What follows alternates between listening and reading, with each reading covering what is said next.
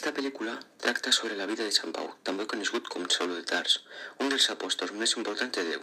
Va néixer a Tars, en Cilícia, a l'imperi romà, i va morir a Roma amb aproximadament 55 anys. La pel·lícula està ubicada en una època en la que Jesús hi és mort.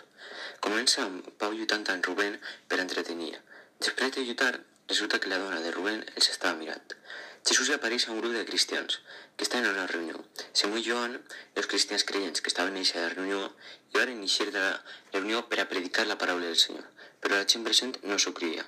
Per tant, Simó hi va curar un home minusvàlid. Al enterar-se Jesús d'això, Rubén i Pau i van fer un pacte per acabar amb tots els cristians de la ciutat. Per lo tant, varen formar amb un exèrcit i van preguntar a Simó i a Joan qui era Déu. Ells van respondre que Déu és home i Déu, i varen agafar a Joan i el varen matar a pedregades, per a després tancar a Simó a la presó. Varen començar a plenar la presó de cristians. I hi va haver un punt en el que no podrien tancar més. Per lo tant, varen començar a matar cristians. Però va ser inevitable, ja que es va extendre fins a la ciutat de Damasco. Varen anar amb un exèrcit. Però a escassos metres de la ciutat, Pau es va quedar sec.